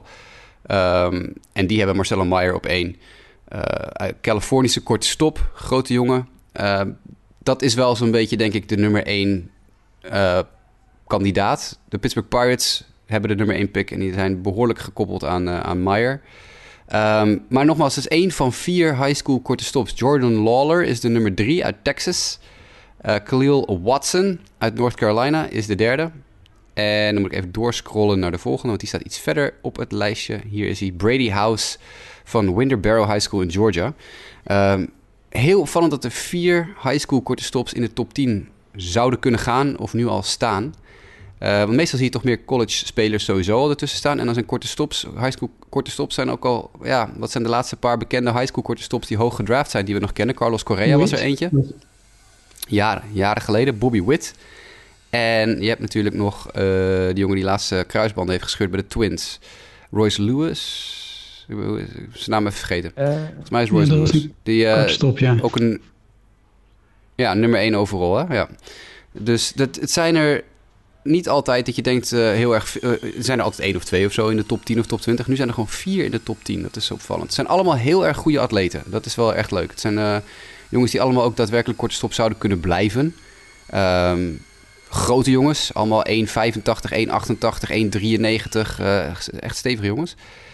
Dus daar zie ik wel wat, wat, wat interessants in, in zitten in die, die gasten. Jack Leiter, natuurlijk de veelbesproken werper van Vanderbilt. En Kumar Rocker, zijn teamgenoot. Kumar hebben we al heel vaak besproken in deze podcast, omdat hij een tijd lang de gedoodverfde nummer 1 was. Uh, dat is hij nu niet meer, want hij heeft een niet zo'n goed seizoen achter de rug en ook een niet zo goede periode daarvoor. Jack Leiter is hem eigenlijk voorbij. Het lijkt erop dat uh, Boston uh, heel erg veel interesse heeft in Jack Leiter. Dus dat zou betekenen dat Sanders Red Sox aan de haal gaan met, met, met de werper. De zoon van Al Leiter, voormalig Major League ja, werper Al Leiter. Texas wordt alweer heel erg, heel erg naar voren geschoven ja. voor Leiter, ja. Ja, ik heb het ook eh, opgeschreven dat uh, de Texas Rangers zijn geïnteresseerd in korte stops, maar hebben ook absoluut interesse in lighter en uh, ja, eigenlijk iedereen. Dat is het mooie van de top 3 kiezen. Je kan, je kan uitkiezen. Boston heeft natuurlijk de nummer 4 pick, dus die hopen denk ik dat of lighter of Um, wie was die andere gast? Henry Davis, de catcher van Louisville. Daar schijnen de Red Sox ook heel erg van gecharmeerd te zijn. Heel goede catcher, goede slagman ook. En die heeft als een van vier spelers, geloof ik, een privé-workout gehad bij de Boston Red Sox. dat Boston heel erg bezig zou zijn met, met drie opties. Uh, de Vandy uh, jongens, Lighter en Rocker en uh, Davis. En ja, de kans dat er eentje van die drie op nummer vier komt, is gewoon groot met de korte stops. Ja, ja, is heel groot. Ja, zeker. Um, ja, Boston is wat dat betreft echt in een ideale positie. Ze kunnen geen fout maken uh, in, op, op plek 4. Wie er ook op plek 4 beschikbaar is, je pakt gewoon de best player available. En dat is inderdaad per definitie waarschijnlijk een topper. ik vermoed wel dat ze college, de college-heavy route gaan, toch, Sander? De kans dat ze een korte stop, een high school korte stop pakken of een high school ja, is klein, denk ik. ja, gezegd dat, dat ze kijken ook naar wanneer ze... Ze willen iemand dicht bij de, bij de majors hebben. En dus ik denk niet dat ze voor een korte stop gaan. Maar ja, misschien schat ze iemand zo goed in dat ze hem niet kunnen laten gaan. Maar de kans is het voor... Ja, is wat mij betreft het grootste dat ze voor een uh, college speler gaan. Ja. Beste high school werper in de top 10 is Jackson Job. Is ook gelijk de enige high school werper in de top 10. Dus dan ben je automatisch de beste. Uh, waanzinnig goede pitcher. Uh, maar een high schooler, dus er is altijd wat meer risico bij betrokken. Maar hij is wel echt, echt heel goed. Tigers lijken een shoe in dat ze hem op plek 3 gaan Dat is inmiddels vannacht was er weer een update van een of andere mock draft. Jackson Job lijkt nummer 3 overall naar de Tigers te gaan zoals het er nu voor staat. En dan nog twee college spelers aan het eind van de top 10. Ty Madden, een werper van Texas. Uh, vind ik een ontzettend goede werper. Um, heb ik ook gepreviewd voor Future Socks. Een heel veel uitgebreidere scouting report voor moeten schrijven dan, uh, dan ik voor Sport Amerika heb uh, hoeven doen. Maar gooit spijkerhard, 99 mijl per uur fastball. Valt echt slagmensen aan. Is, is een echte ontzettende, echte Texaan. Voor niemand bang. En is echt een potentiële top-of-the-line werper. En de nummer 10 op de lijst, dat is Colton Cowser. Dat is een outfielder. Daar ben ik ook sowieso heel erg van gecharmeerd. Doet mij een beetje denken aan... Um, uh, Blake Rutherford, die ik een paar jaar geleden in de draft ging naar de Yankees. En daar was ik toen al helemaal gecharmeerd van. Linkshandig slagman, ook outfielder. En Colton Cowser doet me een beetje aan hem denken. Met het verschil dat Cowser een high school, geen high school is. Rutherford was een high schooler. Cowser is een college outfielder. Die speelt bij Sam Houston State. Daar had ik nog nooit van gehoord. Maar dat is een Texaanse uh, college. Wel Division 1, maar in uh, de West Mountain Huppeldepup, Huppeldepup divisie. Nooit van gehoord. Um, een jongen die eigenlijk nooit heel veel aandacht heeft getrokken in high school. En ook uh, pas echt in college echt goed werd. Maar inmiddels echt zo goed is dat hij ook al in Team USA heeft gezeten. Als eerste speler ooit van Sam Houston State. Hij is MVP geworden in de Friendship Series tussen Team USA en Team Japan. Dus uh, dit is, dit is low-key een van de beste outfielders in de draft. En bijna niemand praat over hem. Dus Colton Cowser is een jongen die ik echt ook wel heel erg ja, heel erg zie zitten. Dat is eigenlijk een beetje in vogelvlucht de eerste ja, tien namen. Laten we dan daarna ook in vogelvlucht doorgaan naar uh, misschien de volgende tien. Want Sander, je hebt sowieso 11 tot en met 15 heb jij samengesteld voor de website. 16 tot en met 20 is dan de Dennis Bakker gedaan. maar die neem je voor nu ook even op je. Ehm, ja, zonder misschien iedereen af te gaan neer. Wat zijn wat spelers hier in ieder geval in deze volgende 10? Hè, dus misschien niet per se de, de supersterren in eerste opzicht. Maar wat zijn spelers die jij hier ziet die je toch even wil benoemen of waar je wel gecharmeerd van bent? Nee, iemand die, die heel interessant is, is bijvoorbeeld Harry Ford op, uh, op 13. Is een uh, high school catcher. Ja, je ziet wel dat, uh, net al over de korte stops, je ziet voor mij echt een soort positiepyramide ontstaan waarbij je pitchers, catchers of korte stops wil hebben. En als, de, als ze het dan op die posities niet redden, de, de veldposities in ieder geval, dan kunnen ze altijd nog ergens anders naartoe. En Harry Ford is daar bijvoorbeeld een voorbeeld van. Die is nu uh, catcher, hartstikke goed. Uh, zou het zomaar ook in de majors kunnen maken als catcher. Maar is atletisch genoeg om bijvoorbeeld naar tweede honk te gaan. Kan ook outfield spelen. Hij wordt wel vergeleken met Craig Beacho, die natuurlijk de stap naar het tweede honk heeft gemaakt. Maar uh, Bryce Harper was natuurlijk ook in de draft nog een catcher en is al heel snel naar het outfield gegaan. Ik, ik weet niet eens of hij in de minors zelfs nog catcher is geweest. Dus uh, ja, je ziet zo'n speler en een high schooler. Um, er wordt wel gezegd dat teams misschien in de eerste ronde wat willen besparen, zodat ze later, als ze nog meerdere vroege picks hebben, bijvoorbeeld in de compensatierondes of in de tweede ronde extra, um, dat ze dan wat willen besparen. En dan zou een Ford bijvoorbeeld, een, uh, een high schooler, kan dan misschien uh, voordelig zijn. Dus hij zou zomaar eerder kunnen gaan dan de dertiende positie die hij in deze prospectlijst heeft. Want ja, zoals gezegd, dit is geen mock draft. Dus die kan zomaar opschuiven. En uh, Sam Bachman is ook een interessante speler. Die, die wordt wel vergeleken met uh, Garrett Cro Crochet. Crochet?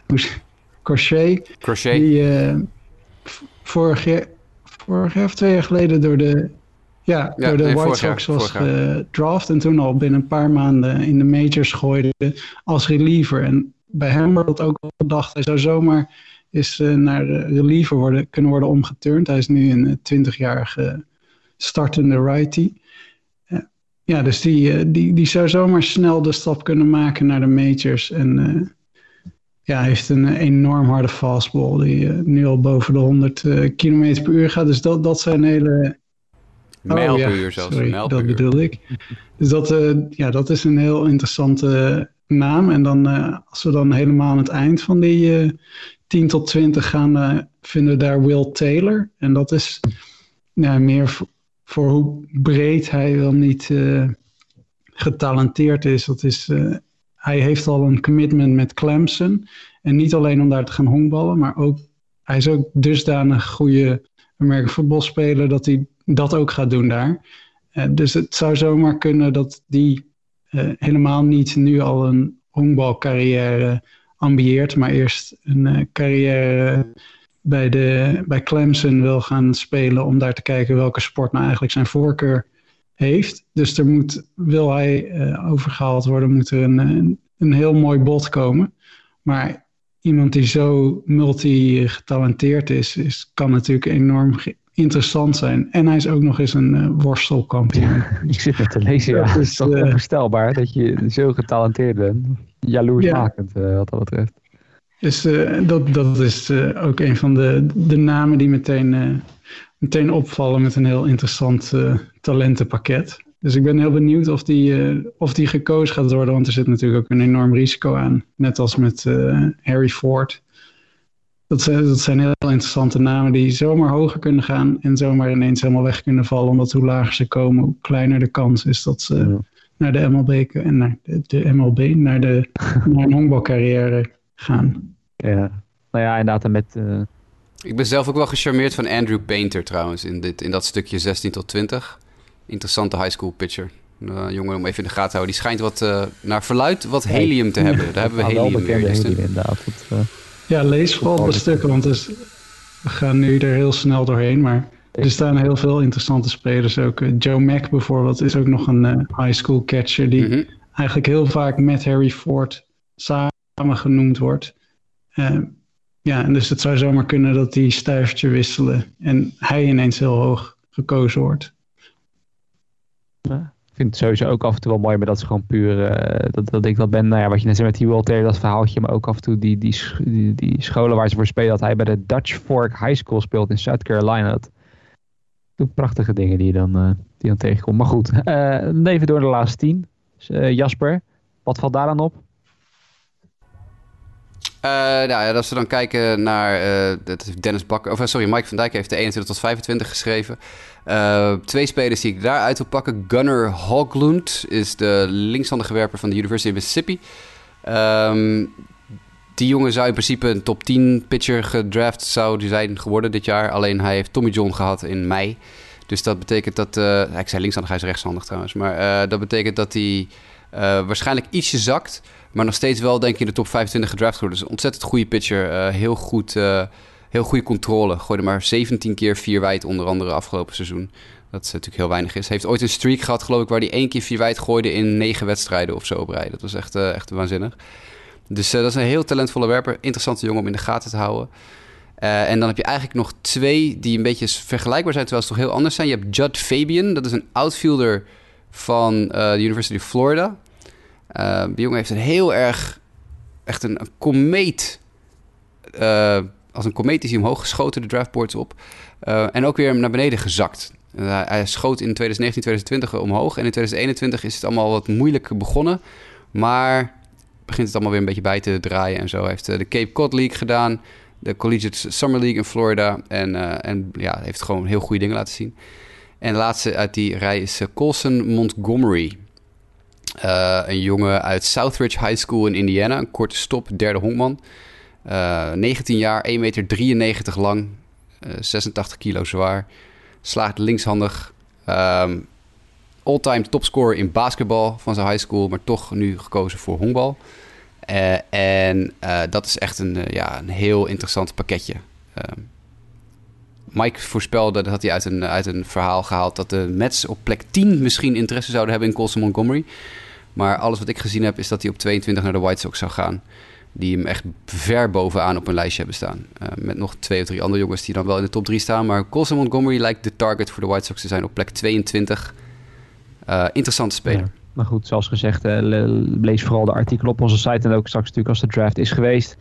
Volg het dan ook, want dan kan je eigenlijk zien wie bij jouw team terecht is gekomen. En sowieso door die Sander, Sander heeft nog 26 tot en met 30, hè? Dat is misschien. Oh, zo ja. Zeggen. Tuurlijk. Ja, ik, ik had natuurlijk de laatste nu aan jou gegeven. Nou, Sander, sluit hem af. Laatste namen.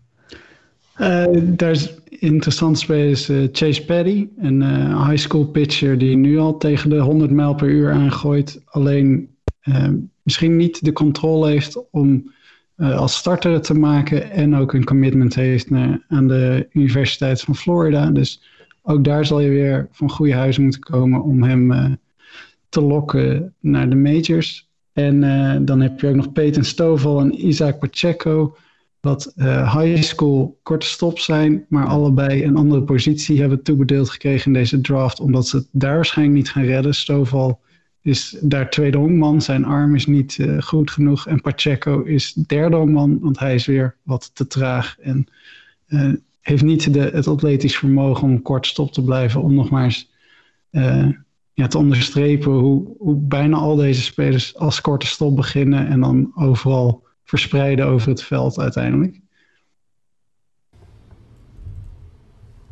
Ik vind Peyton Stove wel een heel interessant typeje.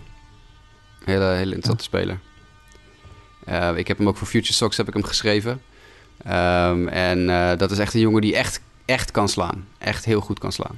Dat is uh, voor, een, voor een infielder heel interessant ja, speler. Dat hebben we dus inderdaad uh, allemaal soort van gehad. En nogmaals, lees die artikelen ook wanneer de draft is geweest. En dan weet je alles over de speler die dan in ieder geval in het begin van de draft naar jouw team is gegaan. Dan tot slot, ehm, we zullen denk ik wat korter moeten houden gezien de tijd. Maar we hadden nog een idee, omdat nu natuurlijk de All-Star Break daar is. Om even onze snelle mid-season verrassingen en teleurstellingen noemen. Kunnen teams zijn of spelers, werpers, hitters, maakt allemaal niet uit. Ja, ik had de meeste namen opgeschreven, dus Jasper, anders geef ik hem wel eerst aan jou voordat ik het gras voor iedereen's voeten wegmaai. Met de verrassing en teleurstelling. Want ik denk dat we allemaal een beetje dezelfde hoeken uit gaan komen. Maar Jasper, allereerst, ja, als eerste, wat, wat wil je als positieve verrassingen benoemen na dit eerste half jaar? Uh, de Giants, want die zeik ik al het hele jaar af en ze staan nog steeds bovenaan. dus, um, ja, ik, ik, we hebben het eigenlijk elke week wel een keer kort even twee minuten over de Giants. Dat ze het nog steeds volhouden. En uh, dat, dat, blijft mij, dat blijft mij verrassen. Het verrast mij vanaf het begin van het seizoen al. En uh, dat, ze blijven het elke week gewoon volhouden. En dat vind ik ook een verrassing. En dat is, uh, ja, ja, weet je, dat, die moet je ook een keer hebben en toe. het nog van de week ook in de app. Toen had ik toevallig een Giants-wedstrijd terug te kijken. Dat je die line-up ook ziet. Dan lead-off was Austin Slater.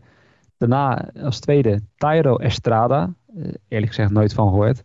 Als derde Wilmer Flores en clean-up hitter Darren Ruff. Ja, en toch wonnen ze ook die wedstrijd gewoon weer, geloof ik. Dus het is uh, ja, bewonderenswaardig wat, wat de Giants doen. Maar is natuurlijk, ik noem die line-up op, hè, maar het is natuurlijk ook vooral de pitching met die Sclafani en Cosman. Dat is uh, ja, fenomenaal hoe ze dat, hoe ze dat oppikken. Sander, jouw voornaamste verrassing van het eerste halfjaar. Ja, de, de, mijn Red Sox zijn natuurlijk een enorme verrassing. Ik, hier had ik niet eens op op durven hopen. Je kijkt vooraf natuurlijk naar het, het hoogst haalbare. En toen dacht ik, nou, als alles, als alles mee zit, kan je misschien nog enigszins de top in het vizier hebben op het moment dat uh, sale misschien terugkomt. Maar dat je nu bovenaan staat, geeft ook al aan dat alles goed is gegaan. Het blessurespook is bij ons redelijk weggebleven. Mm Dat een Eoval die fit is, het hele seizoen is natuurlijk, nou, dat is al een klein wonder, maar de kern is vrij klein met JD, Martinez, Devers en Bogaerts die er echt bovenuit steken. En die zijn allemaal fit gebleven. Je bullpen doet het heel erg goed, ondanks dat ze vannacht dan een, eh, een tegenvallende optreden hadden. Maar eigenlijk bewijst dat alleen maar dat dat opvalt hoe goed het verder gaat. Ja, het is ongelooflijk. Ik, uh, ja, ik durf niet erop te hopen dat het uh, zo door blijft gaan. Maar tot nu toe is dat natuurlijk... Ja, iedereen zag ze op de vierde plek eindigen. Ja.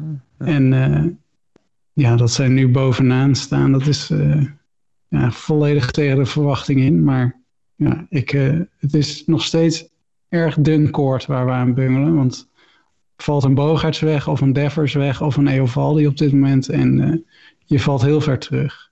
Maar nu genieten we er maar van.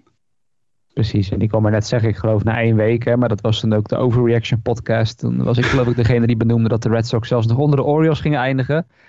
Ja, dat, uh, nou ja, misschien was het maar goed dat ik dat had gezegd. Dat heeft een bepaald vuur... ja, dat was het openingsweekend dat ze gesweept werden door de Orioles. Ja, precies. Dat was dat heel lelijk. Inderdaad, maar sindsdien is het alleen maar beter gegaan. En de Orioles die staan nu stijf onderaan. Uh, nou ja, qua teams, ik wil misschien alleen nog een shout-out doen naar de Astros. Want ik had ook de Red Sox als voornaamste verrassing opgeschreven. Maar de Astros die toch, uh, ondanks wat twijfels, uh, ja, vooralsnog gewoon comfortabel aan de leiding gaan. De Athletics blijven wel in de buurt. Maar vooralsnog gaat het gewoon heel erg goed met, met de Astros. stel ik als verrassing. En misschien wat spelers. Hè. Ik denk sowieso Jasper zal er wel mee eens. En Carlos Rodon ik al vaker benoemd, van een, een kapotte werper, wiens carrière misschien wel als een nachtkaars uit leek te gaan. Die gewoon, en nog steeds fenomenaal gooit gewoon. ik heb hem ook in een van mijn fancy leaks. En uh, zonder na te denken zet ik hem elke week gewoon, uh, gewoon erin. Uh, Jared Walsh, waar ik dan zelf weer een beetje een zwak voor. Omdat ik die in mijn league weer toen als eerste claimde. Waar eigenlijk natuurlijk bij de Angels alle ogen gericht waren op Mike Trout natuurlijk uiteraard. En Anthony Rendon als de grote one-two punch. Hè, als de leiders van het team. Trout kwam met blessures. Rendon ook nu geblesseerd. En speelt ook gewoon heel erg matig. voor waar hij voor betaald wordt. Terwijl het natuurlijk Shohei Otani is, met natuurlijk zijn 33 home runs. Uh, die de toon aanvoert. En Jared Walsh, die met 22 ook gewoon het heel goed doet. Zit ook in de top 10 van MLB. En is gewoon eigenlijk na Otani de voornaamste power source uh, van de Angels. En dat voor iemand die ontzettend laag gedraft is. Eigenlijk een two-way player was waarmee ze geloof ik nooit zo goed wisten wat ze ermee aan moesten. En uiteindelijk dan toch een geweldige eerste honkman uh, blijkt te zijn voor de Angels. Hè, bij ter vervanging van Pujols, die natuurlijk is vertrokken en gewoon te oud was. Dus dat zijn mijn uh, voornaamste verrassingen. En ja, Cedric Mullins had ik ook nog erbij gezet. Als shout-out. Gewoon zo'n ja, oudvuurder van de Orioles. Die denk veel mensen niet kennen. De Orioles spelen ook gewoon niet zo best. Het is allemaal niet zo goed. Maar Cedric Mullins is in dat alles. En hij is ook trouwens uitverkozen naar de, tot, uh, tot de All-Star Game. Heeft gewoon een heel hoog slaggemiddelde. Hij stilt ook veel honken. Is gewoon een van de positieve verrassingen daarbij bij de Orioles. En toch een van de weinige redenen om Baltimore toch nog een beetje te gaan volgen. En dan gaan we naar de negatieve kant. Uh, wat heeft ons teleurgesteld? Jasper, ja allereerst. Wat heeft ons teleurgesteld tot nu toe? Uh, Shohei Otani. Nee, grapje. Uh, um, nee, de, vooral de blessures. Ik ben erg teleurgesteld over de blessures ja. um, in, de, in de hele league. Dat is echt, ja, dat, dat maakt het gewoon minder leuk om te kijken. Dat maakt het... Um, en jongens als Acuna die, die wegvallen. Tatis die al een paar keer geblesseerd is geweest. Nou ja, de White Sox verhaal kennen we. Elo Jimenez, Luis Robert. Die zie je ook liever op een veld staan dan dat je ze geblesseerd uh, hebt. Um, en ja, weet je, teleurstellingen. Ik vind het lastig om een team eruit te pikken. Dat, kijk, neem bijvoorbeeld de, de Cubs. Uh, de Cubs hebben in een paar weken tijd, die, die zijn redelijk begonnen. Uh, een beetje oké, vooral gedragen door een heel goede Chris Bryant. En nu wordt er alweer gesproken in Chicago over de Cubs moeten gaan cellen. Want het is allemaal, het is echt brandhout. Het is verschrikkelijk slecht. Als ik. Ja. Dus ja, zijn de Cubs een teleurstelling? Ja, ik had ze vierde in de divisie voorspeld. Dus voor mij niet. Want ik had voorspeld dat het helemaal bagger zou worden dit jaar voor ja, de Cubs. We waren allemaal best wel pessimistisch, hè, ja. te herinneren. Alleen, ja, in Chicago is ook altijd iedereen heel positief. Het komt allemaal goed en dan beginnen ze redelijk goed. En dan denk je, ja, zie je het, het is toch, komt toch allemaal weer goed dit jaar. Dus stellen ze teleur Nee, niet voor mij. Want ik had ze vierde in de divisie voorspeld. Maar stellen ze denk ik teleur in het, het totaalplaatje van honkbal? Ja, ik denk het wel. Een beetje leuk met de Cardinals, hè, zit je nu te kijken. Ze staan allebei in dezelfde plek nu, ja. momenteel. 44, ja, 46. Terwijl de Reds nu ineens de voornaamste concurrent lijken van de, van de Brewers. Met dank aan dat fantastische outfield natuurlijk. Hè, met Castellanos en... Uh, en Winker, ja. En Winker. Ja. Nee, dat is uh, zeker waar. Dus ik denk, ja... ja ik had, uh, ja, de Reds had ik ook al bij de verrassingen kunnen zeggen, zetten. Maar ik denk dat de Cubs wel dat ze zichzelf tegengevallen zijn, maar dat ze ook hun fans tegengevallen zijn. Ja. Nou ja. Jij, Sander, wat heeft jou teleurgesteld de eerste helft van het seizoen? Ja, je kan bijna niet om de, de Twins heen. Ik had uh, alleen voor het seizoen al niet zo'n goed gevoel over, maar dat goede, niet zo goede gevoel, dat plaatste ze eerder op een tweede plek, misschien derde. Maar dat, hij, mhm. dat zij nu bij de All-Star Break 12 wedstrijden onder 500 zitten. Dat ze, ja, dat ze, ze bakken er echt heel weinig van.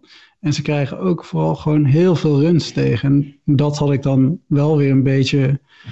Ja, dat was het, de reden waarom ik weinig vertrouwen in ze had. Is dat hun rotatie was gewoon hun pijnpunt. En de versterkingen die ze daarvoor haalden, maakten niet heel veel. Voorafgaand niet veel indruk. En nu ook niet veel indruk. Nee. En uh, nou ja, als Maeda dan niet zijn, uh, zijn sterke seizoen van vorig jaar kan evenaren, dan, dan val je heel ver terug. En dat, dat, zien we nu. En verder zijn er natuurlijk ook de blessures die de Toronto Blue Jays weerhouden van echt een gooi te doen naar de American League East. Waar ze ook toch echt wel ver achter staan inmiddels. En, en op drie teams natuurlijk, die gewoon allemaal ook heel sterk zijn. Yankees vallen ook een beetje tegen. Maar ook die hadden niet per se super hoge verwachtingen van. En persoonlijk de Braves. Maar die hadden toch gewoon deze National League East kunnen winnen. Als je ziet dat, ze, ja, dat daar niet echt iemand mee aan de haal gaat op dit moment. De Mets staan wel iets voor. Maar als je ziet hoeveel kansen Atlanta heeft gehad om, uh, om er eens bij in de buurt te komen. En ze blijven er maar ruim achter uh, staan. En nu Acuna wegvalt en Soroka terugkeer volgens mij ook nog niet echt op de korte termijn zal zijn. Dan uh, ja, dat, het wordt een heel teleurstellend seizoen. Nee. Nou ja, ik had, uh, om mezelf nog aan toe te voegen, ik had bij de Twins, ik had in ieder geval dan Kent en Maeda opgeschreven, maar meer ook, ja, in de brede, kan je daar in het verlengen daarvan ook gewoon zeggen, inderdaad de Twins rotation, want op Jose Barrios na, die dan op zich wel gewoon zijn ding doet. Uh, ja, als je die ERA's ook na, naast elkaar ziet, Jay Happ zit tegen de zes aan, met Shoemaker, die ze hadden gehaald natuurlijk, hè, om die, die vijfde plek in te nemen. Die, die is inmiddels uit die rotation, heeft die ERA van 8.06. Je verwacht het niet! Nee, na 16 wedstrijden. Het is met Shoemaker, of hij gaat kapot, of het voldoet gewoon niet aan de verwachtingen. Nou ja, in dit geval, hij bleef fit, maar ja, op wat voor manier, dat, uh, daar werden ze niet op blij van. Is dat ene Bailey Ober met een 5.54 ERA in die rotation. En ook die bullpen met uh, Hansel Robles nu als closer, wat, wat echt elke keer weer uh, met vallen opstaan is. En ik zie dat Williams Astudio, die heeft natuurlijk ook toen ook nog een inning gegooid. Nou, zijn ERA is nog bijna het laagst van die hele bullpen, geloof ik. Dus ja, dat zegt dan ook wel genoeg over de staat van, uh, van de Twins. Uh, die dan er ook alweer heel snel weg zijn gevallen. Anthony Rendon, zo nog heb ik natuurlijk net genoemd, veel geblesseerd. En voldoet ook gewoon totaal niet aan de verwachtingen bij de Angels. Waardoor de Angels ook wederom toch wel weer mogen stellen teleurstellen. Terwijl de Mariners weer een beetje omhoog kruipen naar die derde plek in de divisie. En wat afstand hebben genomen van de Angels. Ja, staan de Angels vierde en lijken ze weer richting een wederom vergeetbaar seizoen te gaan. Terwijl Otani natuurlijk alles doet wat hij kan doen. Maar ja, dat, uh, die schouders kunnen maar zoveel dragen natuurlijk. Uh, ja, de D-backs. Het is niet omdat Mike er niet is om het nog even erin te schrijven. Maar ja, dat kijk. het is niet alsof we allemaal hadden gezegd van de Diamondbacks die verwachten de playoffs of zo. Hè. We hadden ze denk ik allemaal als vierde neergezet in die divisie. Of als derde misschien wel boven de Giants. Maar ja, dat, dat ze nu op 31,5 wedstrijden staan van de Giants met echt by far het slechtste record in de league. En ook nog eens dus ruim tien wedstrijden achter de Rockies, waar eigenlijk alles hopeloos natuurlijk is. Op Herman Marquez na misschien. Ja, dat, uh, dat is wel heel pijnlijk. En het uh, valt me maar te bezien of Torre Lavello dat, uh, dat gaat overleven als zich, zich dat zo doorzet. Want ja, voorlopig is het uh, en kwel daar. Ja, en als ik nog een, een speler die me tegenvalt dit seizoen mag noemen, dan is Mookie Betts toch ook niet de... Ah is goed. De jaarlijkse MVP-kandidaat. Uh, ik zag zijn naam wel staan bij de All-Star Game. Mhm. En dan vind ik hem toch een van die namen die, die er eigenlijk niet tussen zou horen. Die er op basis van, oh ja, die kennen we, daar stemmen we op. Want er zijn echt beduidend meer kandidaten die, uh, ja, die meer aanspraak mogen maken op een All-Star Game. Hij heeft uh, 12 home runs. Dus er staat daar een kleine 21 achter op Otani. 2,49 average. OPS van 8,19 is nog ja, is, is op zich ook niet heel slecht. Maar het is toch niet wat je voor, de, voor zo'n monstercontract en voor zo'n top voormalig eh, MVP mag verwachten, lijkt me. Ja, maar goed. Otani is misschien een beetje oneerlijk. Hè? Ik geloof dat iedereen er toch zo 20 achter, op, uh, achter hem staat, uh, geloof ik inmiddels. Dat, uh, nou ja, als je alleen nog kijkt... op Winker, dat is... Ja. Nou ja, maar als je ook alleen... Ik zit nou nog een keer met Otani op die top 10 van de home runs te kijken. Dat zelfs de nummer 10 gewoon. Dat zijn nu onder andere Adolis Garcia, Marcus Simeon, Jared Walsh. Alleen zij staan er al 11 achter op Otani. Het is echt... ja. ja. Bizar. Nou goed, en dat was hem dan denk ik wel. Hè? Kijk, er zijn natuurlijk nog veel meer verrassingen, teleurstellingen misschien te vinden. Maar ja, de, de tijd uh, is altijd de grootste vijand van ons in deze podcast. Want er was toch wel meer de, te bespreken dan we vooraf hadden verwacht. Ook een beetje door de afwezigheid natuurlijk. Hè? Want uh, allemaal werk, allemaal druk, druk, druk. Dan uh, gebeurt dat. Jasper, jij nog wat toe te voegen? Of, nee, mooi geweest, dit is mooi. Jij nog, Sander? Nee. Nou, ik ook niet. Dus dat is mooi. Dan ga ik de luisteraars en jullie allemaal bedanken. En ga ik ook nog wel meegeven dat je natuurlijk Ons kan mailen naar justawaypodcast.gmail.com of doe zoals Tim Gerards deed met zijn mooie Marlins vraag. Twitter, tweet ons gewoon. maakt niet uit of je dat naar mij doet, naar Jasper, naar Sport Amerika. tweet ons gewoon daarover, DM ons. En dan kunnen wij misschien volgende keer ons over een andere ploeg gaan buigen. Over wat daar verder achter zit. Dus doe dat vooral en dan kunnen we het volgende keer behandelen. Maar voor nu bedankt voor het luisteren. En graag tot de volgende keer. Tot na de All-Star Break.